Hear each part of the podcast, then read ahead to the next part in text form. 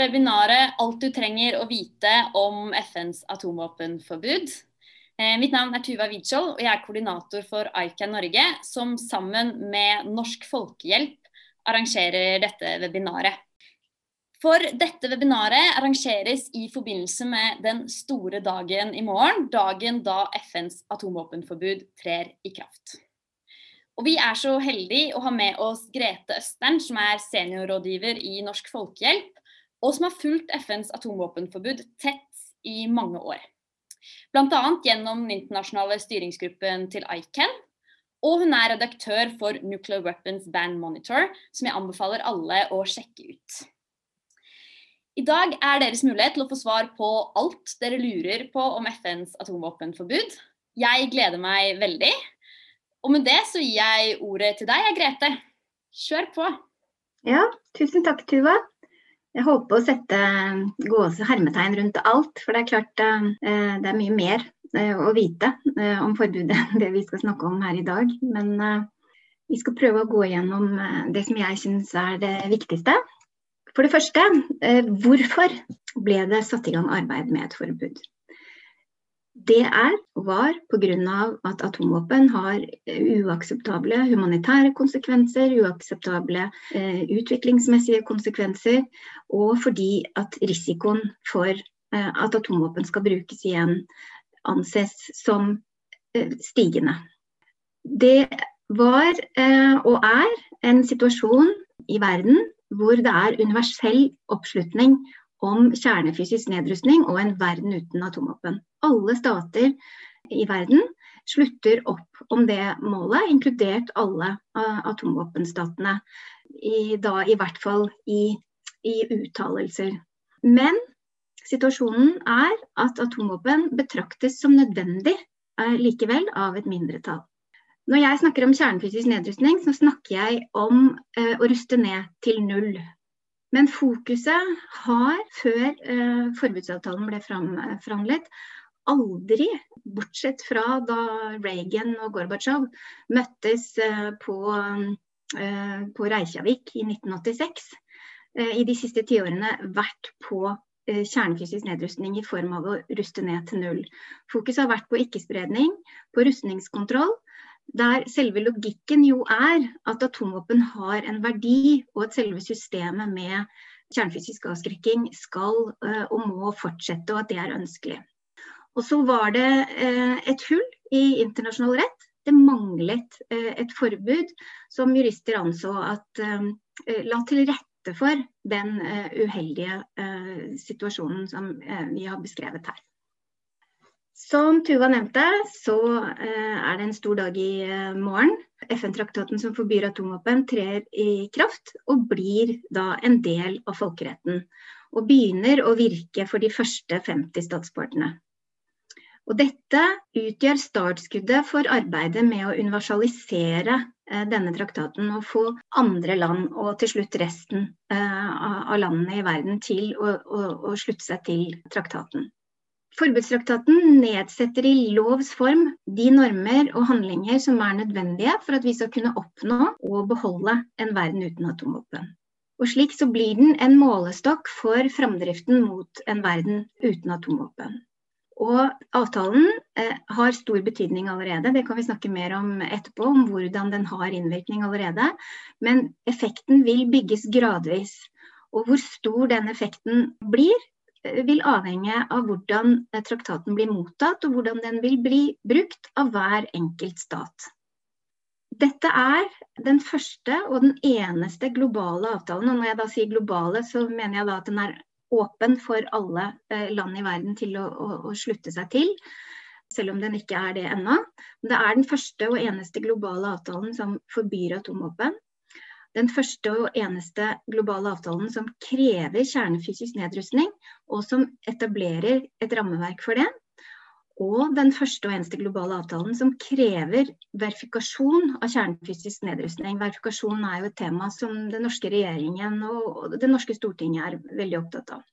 Og denne avtalen er den første og eneste globale avtalen som inneholder bestemmelser for å hjelpe ofre og utbedre miljø etter bruk og testing eh, av atomvåpen. Dette er en kurve som viser ratifikasjonstempoet. Fordi eh, som dere vet, så krevdes det Det var satt et tak på 50 ratifikasjoner, tiltredelser, for at denne avtalen skulle kunne tre i kraft. Og det blir av noen hevdet at dette har gått veldig sakte, men det er ikke tilfellet. Den røde streken her Eh, det er den som eh, viser ratifikasjonstempoet for eh, FN-traktaten som forbyr atomvåpen. Og som dere ser, så har det å komme til de 50 skjedd i et tempo som er helt på linje med de andre traktatene om masseødeleggelsesvåpen. Selv om noen atomvåpenstater har jobbet målrettet for å forsøke å, å hindre det. Det eneste som vi kan se her, den blå streken, da, ikke-spredningsavtalen, det har gått betydelig raskere. Men eh, med andre, sammenlignet med de andre avtalene, så som sagt eh, helt gjennomsnittlige. Og dette er status per uh, i dag. I morgen så tror jeg vi får uh, i hvert fall ett land til uh, som, som, ratifiserer. Og vi venter, venter, flere andre land. Vi vet jo at det er mange land som jobber med ratifisering, og vi vet at det er mange land som jobber med å, å signere. Men som dere ser her, den mørkegrønne delen er da eh, de landene, de 51 landene som er statsparter eh, nå, som altså både har signert og ratifisert eller tiltrådt avtalen. Og så er det de mellomgrønne, det er de landene som har signert, men ikke ratifisert ennå. Eh, og det vil si at vi nærmer oss raskt en situasjon der halvparten av alle stater vil ha akseptert bindende forpliktelser under forbudstraktaten, enten som statsparter eller signatarer. For signatarene har også eh, noen eh, bindende forpliktelser under forbudstraktaten, selv om de ikke har ratifisert ennå. Og så er det i lysegrønt her ytterligere land som vi i Nuclear Weapons Band Monter, som Tuva fortalte om, regner som other supporters, andre støttespillere, basert på hvordan de har eh, stemt i vedrørende resolusjoner eh, om forbudstraktaten i, i FN. Og vi vet at det er mange av disse ytterligere støttespillerne som, som er i gang med å forberede signering og ratifikasjon. Og så er det i rødt her de 42 statene som er mot forbudstraktaten. Det er alle de ni atomvåpenstatene og alle paraplystatene som er alliert med USA, inkludert Norge. Eh, og så er det tre stater til som har en helt atomvåpenfri sikkerhetspolitikk, og det er Bosnia, Herzegovina, Mikronesia og Monaco. Så til slutt i gult her så har, du, eh, har vi en uh, liten gruppe på 17 land som vi kategoriserer som undecided, basert på hvordan de uh, avgir stemme i, i, i, FN. Og som jeg nevnte også, så alle de paraplystatene som er alliert med USA, de er i denne røde kategorien. Mens de to paraplystatene som er alliert med Russland, Armenia og Hviterussland, de er i uh, undecided-kategorien. Og i undecided-kategorien så har vi også eh, land som Sverige og Sveits, og en rekke land som eh, per nå ikke har ressurser til å forholde seg til dette, som, eh, som Sør-Sudan og, og, Somalia. Hvis vi ser på den regionale fordelingen av eh, støtte til forbudstraktaten, så kan vi se her at den er høy i alle regioner unntatt Europa. I Europa så er det 31 av 47 land som er motstandere av forbudstraktaten, i den forstand at de stemmer imot i FN på de årlige eh, resolusjonene om, eh, om traktaten eh, på FNs generalforsamling. Eh, så ser vi også at det er eh, syv røde land i, eh, i Asia. Der er det jo mange atomvåpenstater. Det er en historisk eh, milepæl når FN-traktaten som forbyr atomvåpen trer i kraft i morgen. Det er et arbeid som har strukket seg over flere generasjoner. Det har vært en lang prosess fram hit. Eh, det, altså, blir nå da tre dager til, så er det 75 år siden eh, at FNs generalforsamling vedtok sin aller første resolusjon, og hvor de da nedsatte målet om en verden uten, uh, uten, atomvåpen. På bildet her så ser vi Coretta King, uh, som på 60-tallet er vel dette bildet fra, var en av de som jobbet for at hele verden skulle være en atomvåpenfri sone. Og hennes mann var jo også en av de som satte ord på behovet for å forby atomvåpen. Det har vært en lang prosess. Så hva er det som er annerledes nå? Hva var det som ble gjort annerledes som gjorde eh, at man fikk til et forbud i, FN? Det var at fokuset på konsensus, eh, som når det gjelder atomvåpen har blitt et konsensustyranni, til slutt ble satt på sidelinjen eh, i FN. Eh, og det var eh, Norge var en av, en av de landene som eh, satte ord på behovet for å fatte beslutninger, få til framskritt, få til et forbud uten konsensus. Der ser dere Under det bildet av Jonas Gahr Støre, så er det altså fra en uttalelse som Norge hadde i FN i 2011. Hvor Norge da, og Jonas Gahr Støre, som da var utenriksminister, han sa også dette i sine taler at vi tror at det kan være mulig å utvikle normer mot bruk av atomvåpen, og til og med forby dem uten en konsensusbeslutning. Og at slike normer til slutt vil bli anvendt globalt.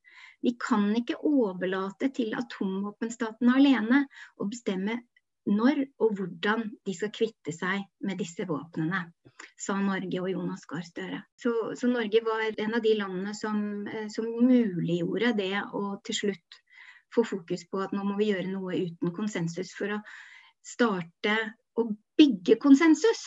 Lage noe som vi kan bygge et konsensus ut fra, snarere enn å vente til eh, vi får konsensus eh, på magisk, eh, magisk vis. En annen person som var opptatt av dette med behovet for å uh, legge konsensustyranniet uh, til side.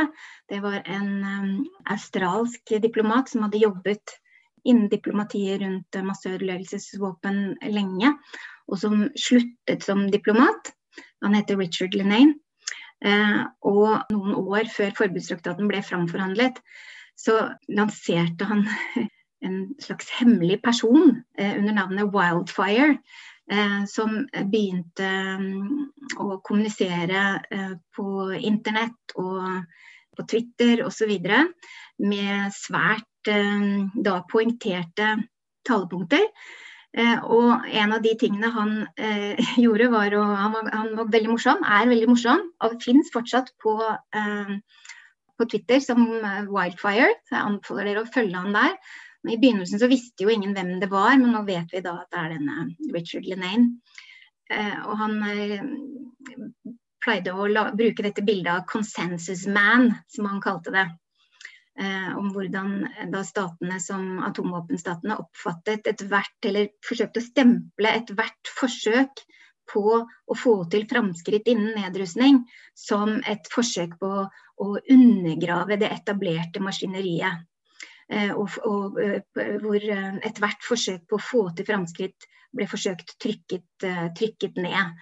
Som han da eh, forsøkte å personifisere gjennom Consensus Man.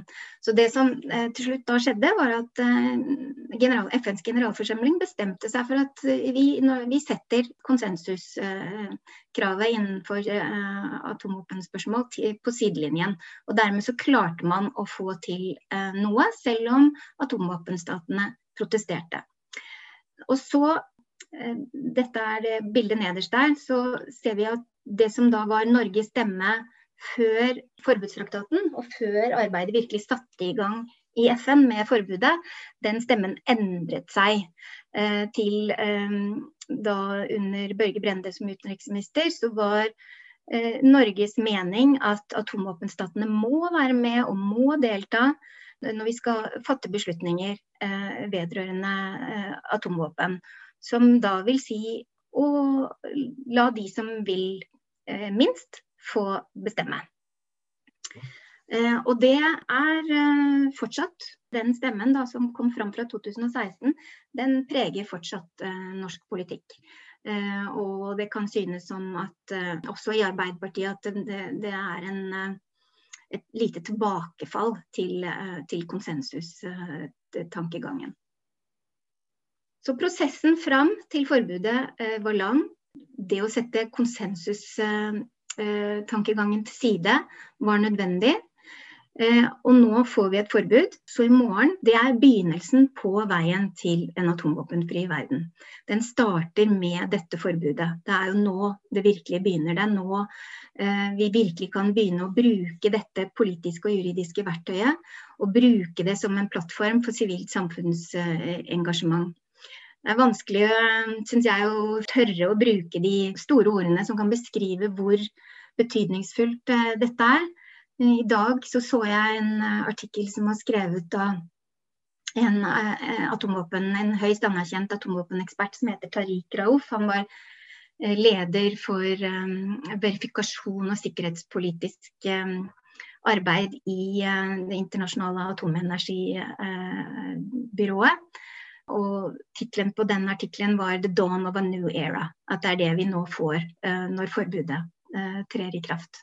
Så jeg vil heller vise til, um, til Tariq Raouf og, og, hans ord her, som jeg håper kan prente inn hvor betydningsfullt dette er.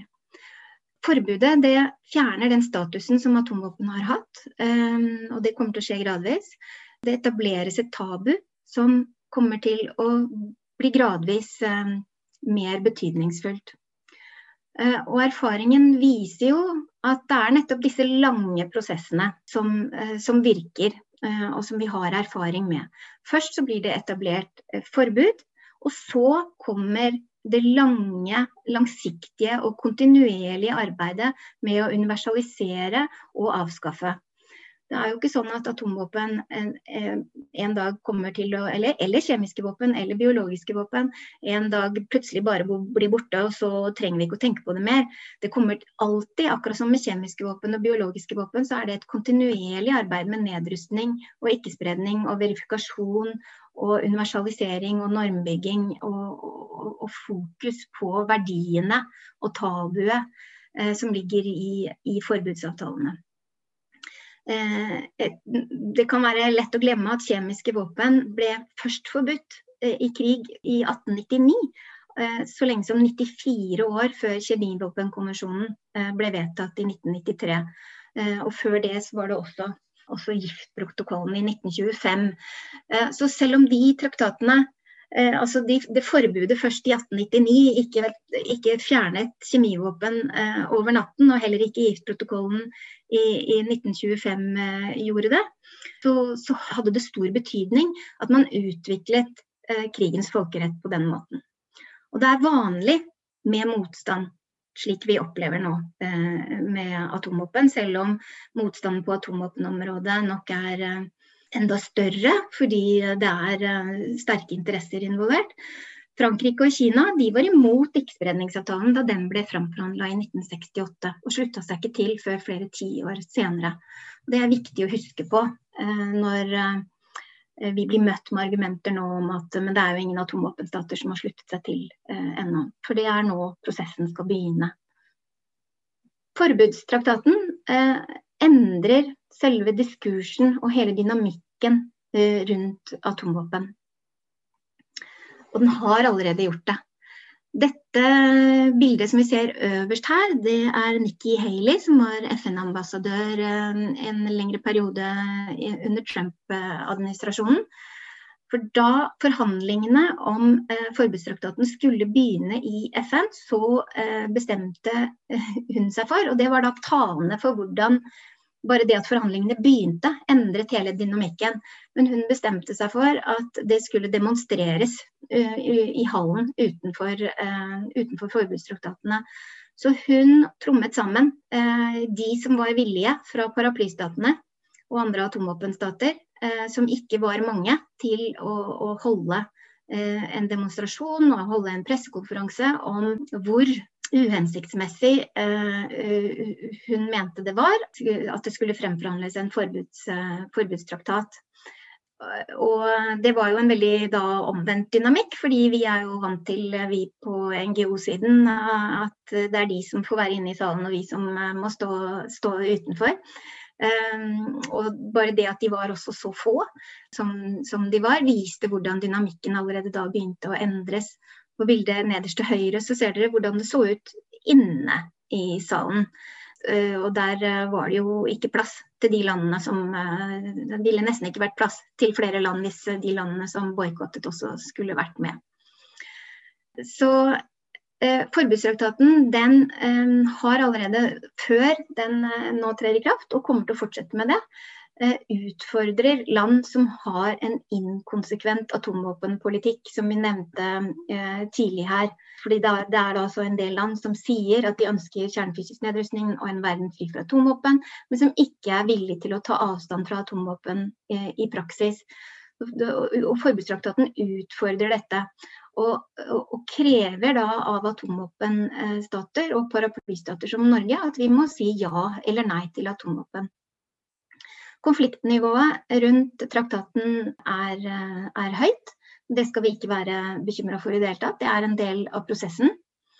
Og det at traktaten blir snakket ned eh, av politikere f.eks. i land som Norge, det viser, tenker jeg, bare at den utfordrer disse politikerne, og at den reiser spørsmål som de ikke ennå makter å forholde seg til. Fordi det er jo de spørsmålene som forbudstraktaten reiser, det er jo ikke de våre politikere snakker om. Eh, de snakker jo ikke om hvorvidt det er riktig eller ikke riktig å fortsette å, å, å støtte opp om atomvåpen eh, eller ikke. De snakker heller om, eh, argumenterer heller for at det må være noe feil med traktaten enn å se på hva som er feil med Norge, som gjør at traktaten ikke passer for oss per, per i dag. Det å velge forbudstraktaten, det å velge å si ja til den, det er å velge multilateralisme. Det er å vise at samarbeid om globale spørsmål nytter. Og at det å styrke folkeretten og tilhørende institusjoners mulighet til å forme det internasjonale samfunn, det eh, er viktig. Og så eh, har jeg vært uh, hos Wildfire på Twitter hos Wildfire og, og, og, og, hentet fram det bildet der. Fordi Wildfire han tok det bildet og la, la på disse plakatene igjen da for å vise hvordan uh, dynamikken endres. Fordi de sto der ute og protesterte som om de var, som var NGO-er. Og de brukte faktisk argumentene, ikke nøyaktig de ordene, men samme argumenter. Tenk på barna. Tenk på alle barna og kvinnene som får leve i trygghet pga. Uh, atomvåpen uh, når dere nå vil forbi uh, disse, disse våpnene. Det, det, argumentet ble faktisk brukt. Det eh, første statsmøtet til det, denne traktaten det eh, skal eh, ifølge traktaten finne sted innen ett år etter at den i morgen trer i kraft. Og Østerrike har allerede sagt at de vil være vertskap for det møtet. Og på det møtet så vil statspartene begynne å ta viktige beslutninger som vil forme den langsiktige prosessen her. Som vil forme hvordan avtalen skal implementeres, hvordan den skal institusjonaliseres og hvordan den skal universaliseres. Og en av de viktigste eh, punktene det vil bli eh, å begynne på arbeidet med å utvikle et regime for verifikasjon av kjernefysisk nedrustning. Så er det sånn at om fem år så må det være en tilsynskonferanse. Så jeg tenker jo at uh, kanskje kan det være et mål at Norge innen fem år har gått er i en situasjon hvor vi kan være vertskap for den første tilsynskonferansen. Det må være et mål. Så hvorfor har ikke Norge slutta seg til uh, dette forbudet? Og da vil jeg snakke om det som jeg mener er de reelle grunnene. Eh, og ikke de argumentene som eh, politikerne som er imot denne eh, avtalen bruker. Årsaken er at Norge har en inkonsekvent politikk på atomvåpen. Vi støtter kjernefysisk nedrustning i prinsippet, men vil ikke ta avstand fra atomvåpen i praksis. Norge er en av 41 stater i verden som har en sikkerhetspolitikk som er basert på atomvåpen. Norge eh, ber allierte atomvåpenstater om å fortsette å besitte atomvåpen på våre vegne, og potensielt bruke atomvåpen på våre vegne. Så, eh, og det er årsaken. Det er, det, som, det er, der de vanskelige spørsmålene reises, som det er vanskelig uh, å forholde seg til. Og forbudet blir en linse uh, å se dette gjennom, som ikke norske politikere har uh, måttet se på dette gjennom tidligere, men nå, nå må de det. Og det, det avdekker at dette er eh, den norske politikken. At vi har en inkonsekvent politikk. Og forhåpentligvis så vil det da føre til at vi får bedre og mer eh, realitetsorienterte diskusjoner eh, rundt atomvåpen og forbudet. Og så er det jo selvfølgelig, siden atomvåpen har blitt selve symbolet på lojalitet i Nato, så er det selvfølgelig kjempevanskelig. Det skal ikke stikkes under en stol i det, i det hele tatt. Men regjeringen har jo avklart at det finnes ingen juridiske grunner til at man ikke skal kunne slutte seg til, men at det er politisk særdeles, eh, særdeles vanskelig. Og det, det, det, er forståelig, men altså mulig. Og så er det to punkter til som jeg tenker er grunner til at Norge automatisk slutter seg til. Eh, det første er eh, at det er en utbredt tro i regjeringen og blant en del politikere, også i andre partier, på at kjernefysisk avskrekking gir sikkerhet. Mens fokuset i hele forbudsprosessen har jo vært på å skape en forståelse av at, eh, at risikoen på sikt åpenbart er mye større enn de eventuelle fordeler som kjernefysisk avskrekking måtte ha.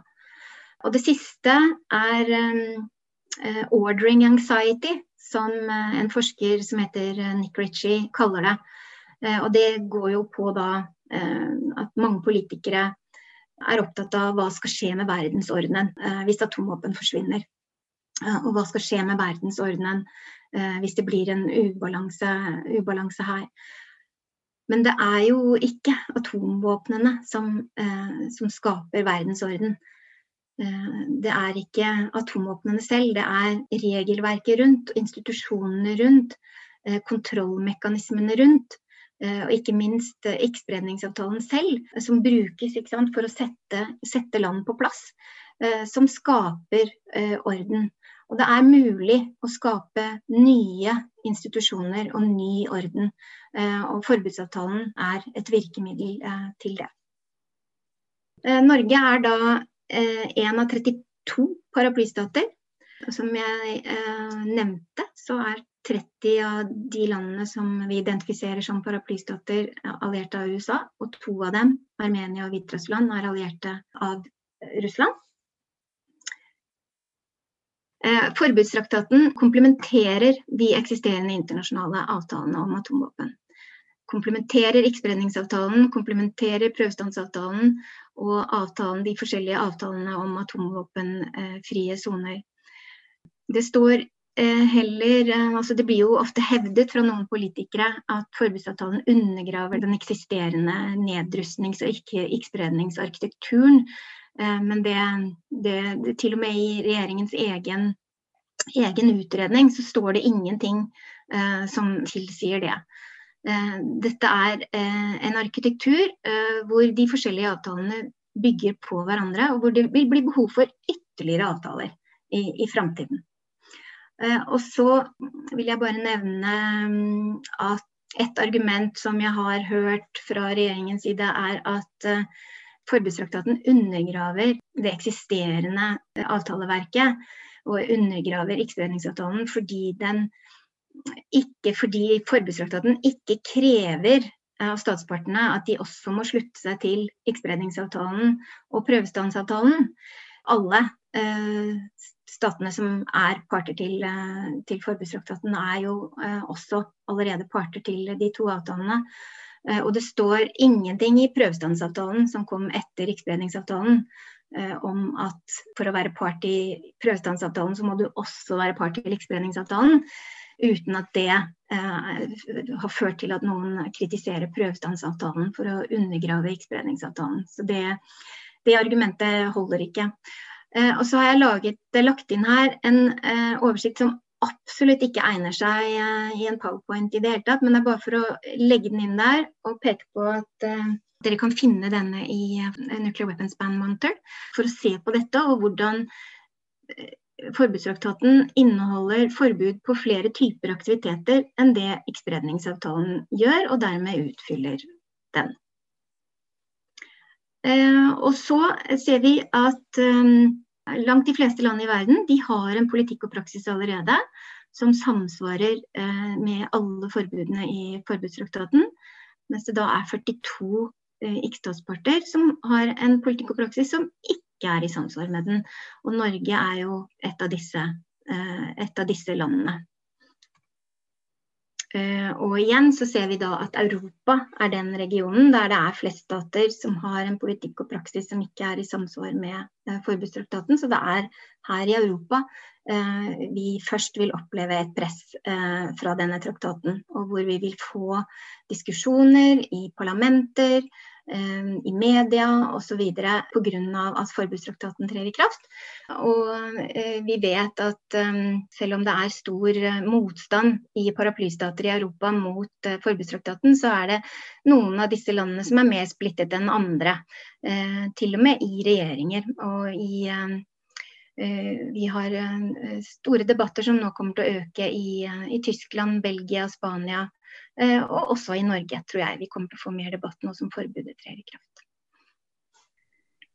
Ja, tusen, tusen takk, Grete. Dette var den perfekte oppsparket til eh, morgendagen. Eh, vi har jo sagt at i dag skal dere få svar på alt dere lurer på i gåstegn om FNs atomvåpenforbud.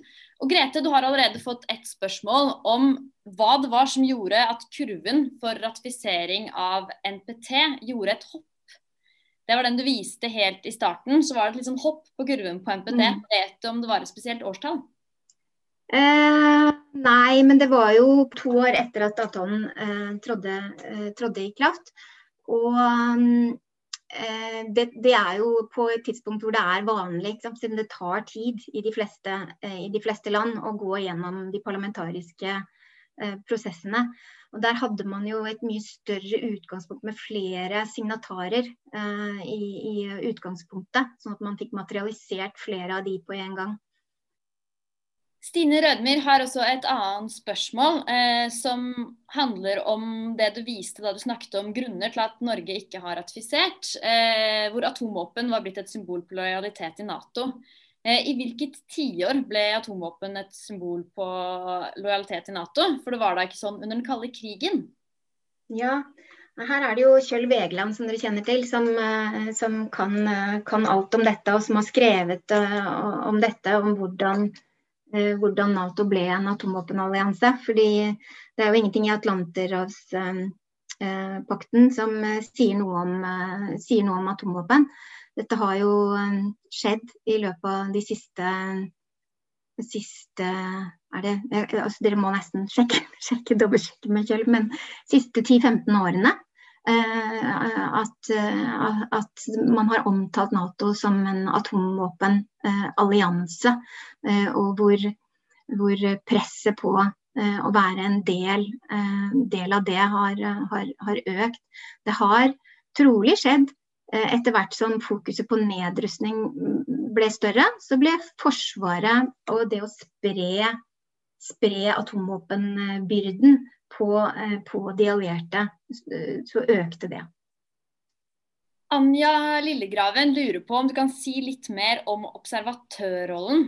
Dersom vi klarer å overtale Norge til å bli observatør på første statspartsmøte, hvordan bør denne rollen fylles?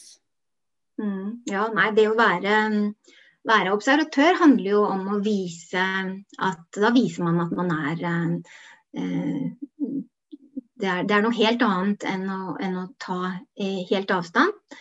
Det kan vise, være et signal om at man er interessert, at man eh, ønsker å bidra til å bygge bro mellom de som er parter til avtalen og de som, eh, de som er eh, motstandere. Eh, det vil handle om å, å å vise at, som, eh, at, vi har reell vilje til å få til kjernefysisk nedrustning, selv om vi syns det er vanskelig å være med på denne avtalen eh, per nå. Eh, så det vil handle om da, å vise en samarbeidsvilje rundt hvordan kan vi få til praktiske tiltak eh, rundt, eh, rundt kjernefysisk nedrustning. Og komme igjen med informasjon om, som kan bidra da forhåpentligvis til å og gjøre det eh, lettere for eh, Norge å se for seg hvordan man eh, sammen med andre Nato-land kan sette i gang en prosess for å slutte seg til. Spørsmål fra Bitte Nilsen. Eh, hvis vi undertegnet, ville det da også vært forbudt med anløp av atomdrevne ubåter, som mulighet har disse våpnene, på norsk jord? Ikke bare hvis de er atomdrevne. Det, det vil ikke være forbudt. forbudt. Når det gjelder For det finnes da noen atom... Eller noen ubåter noen som vi vet kun er laget for og kun utstyrt med atomvåpen. For den type ubåter så vil det være forbudt å bistå de med logistikk, eh, teknisk assistanse osv. Eh, nå er det jo ikke eh, forbudt med transit, som det, som, som det heter. Altså å være raskt inn og raskt ut av, av norske, norske, farvann. Men man vil ikke kunne bli lenge før man kan, kan betrakte det som å være noe mye mer enn eh, en transit. Men i utgangspunktet så er jo de fleste leveringsplattformer, fly og, eller alle fly eh, og de fleste ubåter eh, og båter utstyrt sånn at de er altså dual use, at de både kan brukes til atomvåpen og til konvensjonelle våpen. Og utgangspunktet er jo at de ikke Eh, ikke er det, og at det er uproblematisk for Norge å fortsette å um, ta imot besøk fra de, til, å gi de logistisk og teknisk støtte, til å eskortere de, eh, støtte de på, på, andre vis. Men hvis det viser seg å komme fram informasjon om at grunnen til at de da er i Norge, at oppdraget de er ute på er klart er et atomvåpenoppdrag, da er det forbudt. Så det, vil, det er ofte, ofte kontekstavhengig. Nå renner det inn med, med, gode spørsmål her, og vi nærmer oss veldig ferdig. Vi tar et par spørsmål til før vi må avslutte. Eh, først er det et spørsmål fra Siv Mjåland, om du kan forklare hvorfor forbudstraktaten ikke vil innebære krav om ensidig nedrustning? Det er jo ingen multilaterale avtaler. Altså denne avtalen er jo sydd sammen på akkurat samme måte som kjemivåpenforbudet og, og biovåpenforbudet. Og de, eh, de, sier jo hva hver enkelt stat må gjøre. Men, eh, og det har da eh, noen i Arbeiderpartiet dessverre lest som at, at det betyr ensidig nedrustning. Men det gjør det jo, gjør det jo ikke. Sier hva, det sier noe om hva hver stat må gjøre. Men i praksis så kommer jo atomvåpenstatene til å forholde seg til hverandre og gjøre ting gjøre selve prosessen med nedrustning på en måte som sikrer, sikrer balanse. Eh, noe annet eh, er jo, er jo helt utenkelig. Eh, og Det er bare et eksempel på et type argument som altså handler om at politikerne eh, må snakke avtalen ned eh, bare fordi de ikke klarer og makter å forholde seg til de virkelige spørsmålene som, det, som, som avtalen reiser om norsk politikk. Ehm, i ledelsen i Arbeiderpartiet sa jo på landsmøtet sist eh, at hvis vi slutter oss til denne avtalen, så innebærer det at vi må kreve at Storbritannia eh, ruster ned ensidig. Uh, og det finner du ikke en folkerettsekspert som, som vil gjøre noe annet enn å fnyse av. Da tar vi to spørsmål i ett før vi må avslutte. og da, eh, Her gjelder det å holde tunga rett i munnen. Det første spørsmålet Eh, kan den norske regjeringens motarbeidelse av forbudet bidra til at Norge taper legitimitet i Sikkerhetsrådet, hvor vi forsvarer noen internasjonale lover og normer, og ignorerer andre? Mm. Det andre spørsmålet er hvordan vil det påvirke Norge dersom det går med på forbudet i forhold til å være en god alliert til USA og Nato? Mm. Eh, til de første spørsmålene så mener jeg at ja, på sikt. Kanskje ikke umiddelbart eh, nå i denne eh, perioden, men på sikt så vil det, vil det ha betydning for å svekke, svekke, Norges renommé. Jeg tror det skal holde hardt for paraplystater som, som, Norge etter hvert som oppslutningen om dette forbudet øker, å unngå et negativt, å bli satt i et negativt, eh, negativt lys. Eh, I form av at det demonstrerer inkonsekvente holdninger. Forbudet nedsetter jo et tabu der hvor det tidligere har vært så stuerent å forholde seg til atomvåpen at til og med et land som Norge, en humanitær stormakt som Norge, har kunnet befatte seg med de uten eh, altså med atomvåpen uten, eh, uten, at det engang har blitt snakket om. Men det vil, det vil endre seg nå. Den rollen som eh, paraplyland, inkludert Norge, har i å eh, muliggjøre at atomvåpen eh, skal, fortsatt skal besittes, og til å gjøre det vanskeligere å få til nedrustning, eh, det vil nå få mer fokus når avtalen trer i kraft. Og så var det siste spørsmålet, hva sa du? Om tiltredelse til forbudet ville ha noe å si, eh, og som Norges liksom, vårt forhold til USA og NATO, NATO som god alliert. Mm. Det er jo, eh, som vi skriver om i Nuclear Weapons Ban Monitor, vi forstår at det er politisk vanskelig. Det vil være en politisk eh, vanskelig prosess.